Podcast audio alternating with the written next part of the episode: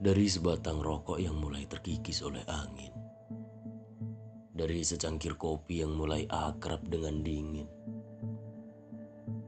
Dari serangga yang mulai kenyang dengan darah-darah. Hingga pesan stoples kacang pada kulitnya. Semuanya tak ingin kusentuh. Sungguh. Aku datang kemari tidak ingin berpesta. Aku datang kemari hanya ingin bercerita. Mulai dari bapakmu yang kehabisan keringat dan dari adikmu yang menangis menderu. Sampai dirimu sendiri yang cemas akan masa depan hingga lupa bagaimana cara mengingat.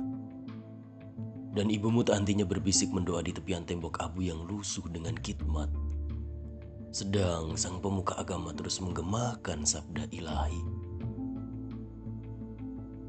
Kulihat dari kejauhan kau menenangkan ibumu dari doa tangisnya. Kulihat dari kejauhan kau membopong ibumu masuk ke kamar. Kau memberikan minum dan membisikkan sesuatu. Kemudian kembali duduk di sebelahku. Aku rasa ibumu hanya berdoa lumrah lah kadarnya. Barangkali memang menangis tak cukup untuk membuktikan rasa kehilangan. Lalu kenapa kau tak menangis?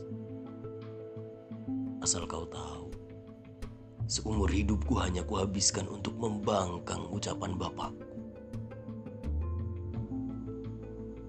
Kemudian pandanganku memudar, mencoba memahami kegetiran yang bersarang dalam tatapan kosong kedua matamu.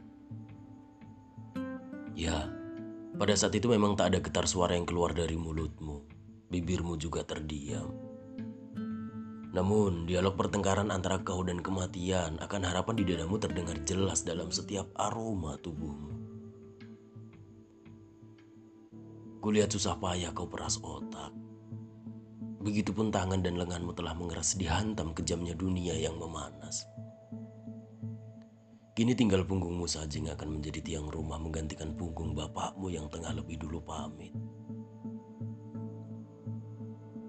Dari sini aku mengerti Mengapa kau pergi jauh ke negeri orang, menyusuri jalanan, ganggang kecil, menyaksikan lampu-lampu kota dan perjuangan penuh pengorbanan demi kemenangan-kemenangan.